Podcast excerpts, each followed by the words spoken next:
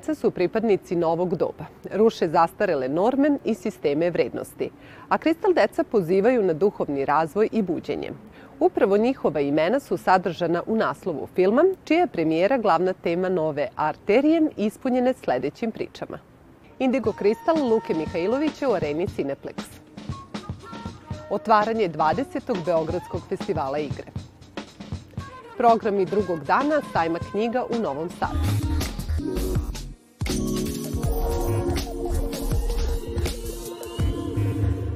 Glumačka i autorska ekipa ostvarenja Indigo Kristal, reditelji i scenariste Luke Mihajlovića, prošetala je crvenim tepihom u oči novosadske premijere, a među njima su bili i gosti Arterije, reditelj i scenarista Luka Mihajlović i glavni glumac i producent Miodrag Radonić. Dobrodošli u našu emisiju. Hvala na pozivu.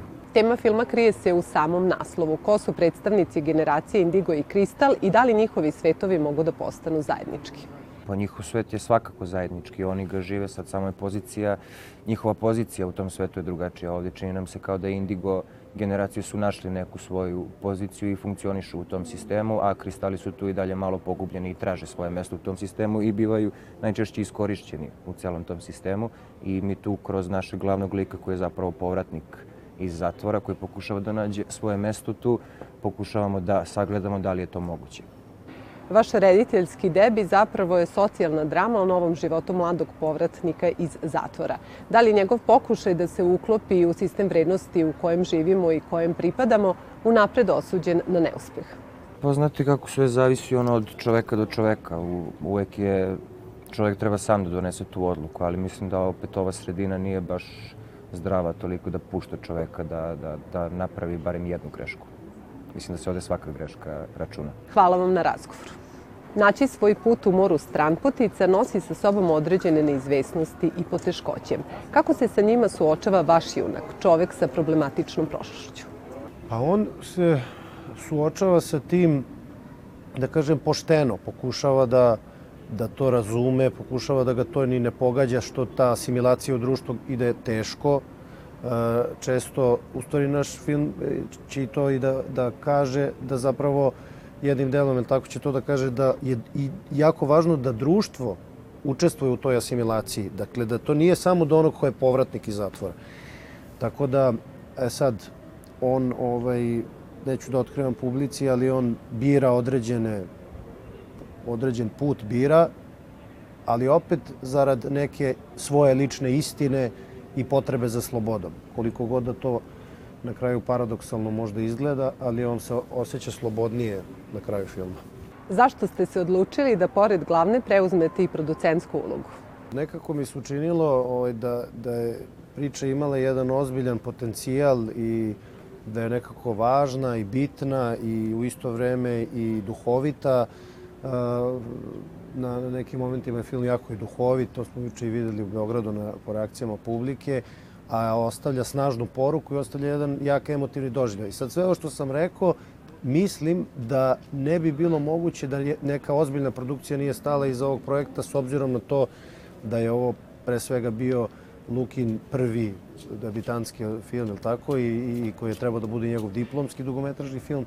Tako da, prosto, morao je neko to sve da obavi da bi potencijal cele te priče bio ispunjen.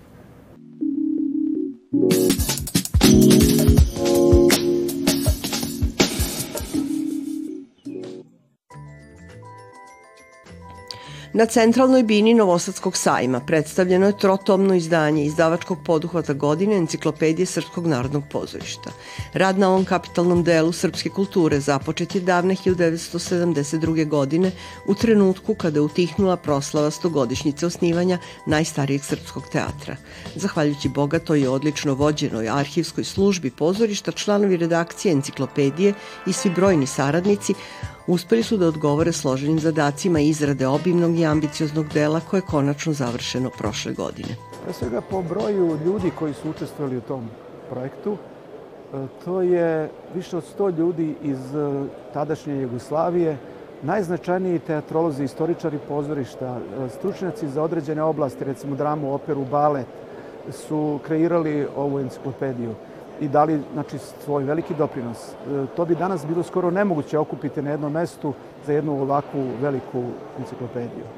Kako je Srpsko narodno pozorište jedna od temeljnih institucija kulture ovog naroda, jedan od stožera savremene scenske umetnosti i našeg identiteta, od ogromnog je značaja što se uprkos efemernosti pozorišta kao takvog pojavilo materijalno svedočanstvo njegovom radu i postojanju. Prvo da kažem da sam jako ponosan što je procenjeno da je izdavački poduhvat godine. To samo svedoči o tome da je neko prepoznao ne naš trud, ne samo naš trud, nego je prepoznao značaj enciklopedije ne samo Srpskog narodnog pozorišta, već uopšte tog pristupa istoriji domaćeg teatra. Ta knjiga je značajna za Srpsko narodno pozorište, jer svedoči od 125, a boga mi u nekim segmentima u istoriji od 861. do danas. Značajna je zato što omogućava i omogućit će istraživačima istorije, ne samo pozorišta, nego i kulture i uopšte razvoja nacionalnog duha, da se bave konkretnim, na osnovu konkretnih podataka, nizom epoha.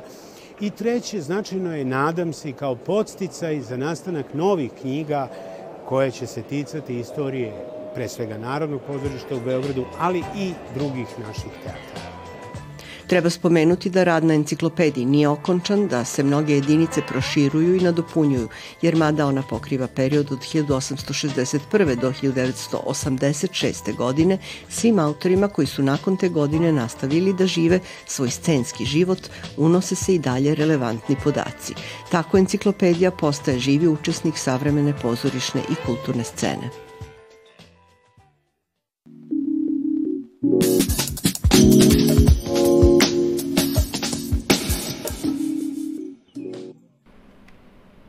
Parijski bal je jedinstveno VR iskustvo zasnovano na tehnologiji koja omogućava ulazak u digitalno kreirani svet u kom nestaju granice između gledalaca i plesača. Kada se oprema virtualne realnosti uključi, prva slika jeste sobstveni avatar u odrazu ogledala, potom kreće putovanje kroz Pariz gde postajemo svedoci priče o neočekivanom susretu i ljubavi između dvoje mladih. Sa učesnicima su sve vreme dva profesionalna plesača koji podstiču aktivno učešće i istraživanje svakog aspekta virtualne stvarnosti. Moja uloga je da plešem, ali nije reč samo o plesanju, već o susretu sa ljudima. To je za nas najveći izazov u predstavi. Mi ne nosimo opremu. Mi smo u realnosti kako bismo vodili računa o ljudima koji pod punom VR opremom plešu sa nama. Učesnici ne moraju biti dobri plesači, mogu plesati manje ili više. Sve zavisi od njihove želje. Predstava traje nešto više od 30 minuta, a bile su potrebne tri godine za njenu realizaciju. Osim naočara, senzora i slušalica, za prevaru svih čula koriste se parfemi i ventilatori. A da bi sve teklo bez greške, predstavu prate IT stručnjaci. Kada se razvija virtuelna stvarnost, uglavnom je to za jednog korisnika. Ovo je prvi put da smo napravili virtuelno iskustvo za desetoro ljudi istovremeno.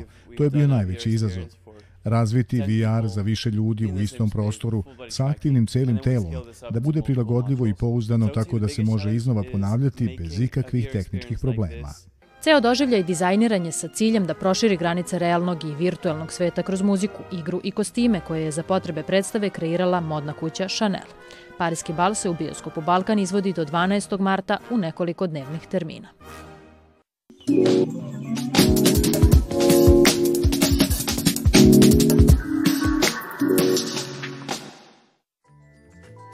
U savremenoj galeriji Subotica u toku je izložba Botonda Resega, umetnika iz Rumunije, u kojoj se prepliču i nadopunjuju dva opusa slika koje je stvarao tokom nekoliko prethodnih godina, a koja su objedinjena pod zajedničkim nazivom Upakovani rat.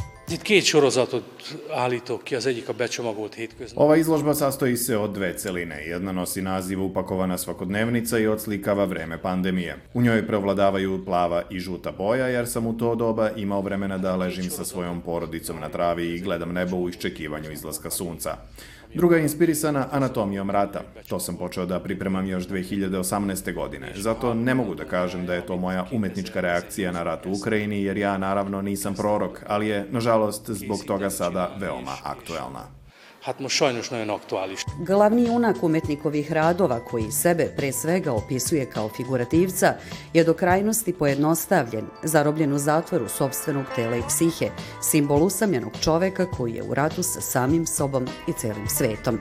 I kod anatomije rata i kod e, upakovanog rata i svakodnevnice Botonda zanima zapravo sudbina čoveka, e, sudbina čoveka prema silama kojima je okružen.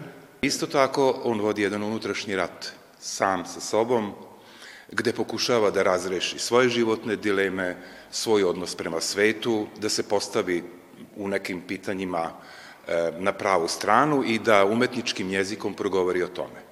Izložba Upakovani rat Botonda Resega, čiji junaci vode borbe unutar njih samih i sa drugima, odslikana u kolopletu crnih linija, ali i u bojama sunca i neba koje bude nadu, nakon savremene galerije u Subotici vraća se u Rumuniju, a sledeće godine biće prikazana u Njujorku.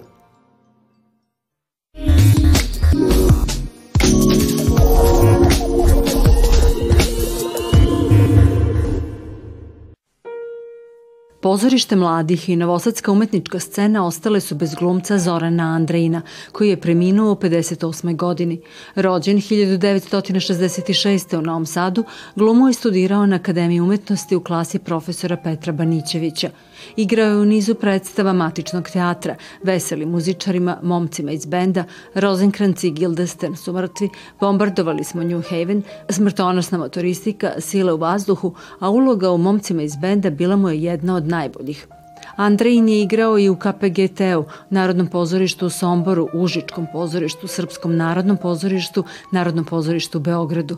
Nagradu Milena Sađak za najboljeg mladog glumca u Srbiji dobio je 1993. na festivalu u Kragujevcu. Sahrana Zorana Andrijina biće održana u petak 10. marta na Novom groblju u Novom Sadu, a komemoracija dan kasnije na maloj sceni pozorišta mladih. Kolege će ga pamtiti po osmehu. Paris Jazz Night u knjižari Zenit Book sutra veče pružit će priliku za susret sa rođenim novosađeninom, pijanistom Aleksandrom Uzelcem, koji predaje na McGill univerzitetu u Montrealu i svoje umeće na klaviru okušava u različitim muzičkim žanrovima. Poziv je otvoren za ljubitelje eklektičkog zvuka. Prijetno!